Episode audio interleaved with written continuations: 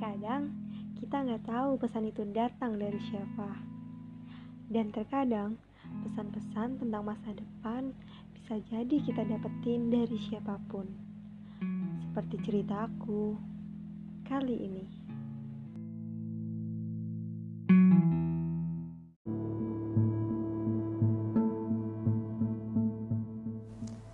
Hai people, um, malam ini aku mau cerita ke kalian tentang sedikit pesan di 2020. Entah maksudnya bagaimana ceritaku ini. Hanya ingin berbagi sedikit cerita yang teringat kembali di pikiranku.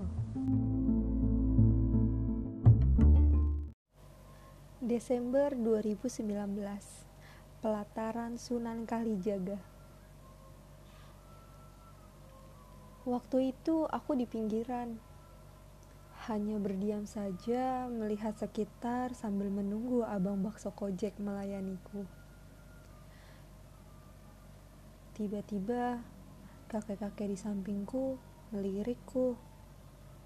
Otomatis aku meliriknya kembali lalu mengalihkan tatapan kembali ke abang bakso kojek. Cantik, ucapan kakek itu. Aku hanya meliriknya dan mengabaikannya kembali. Lalu dia berbicara kembali, menanyakan dari mana asalku. Tiba-tiba dia berucap seperti ini. 2020 akan ada banjir besar di Jakarta. Aku tidak meresponnya dan meliriknya. Karena terasa aneh saja kalau meresponnya. Kami terdiam kembali.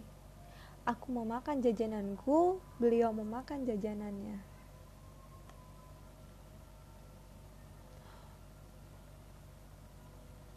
Dua ribu dua puluh akan ada musibah besar. Aku tidak percaya apa yang ia katakan.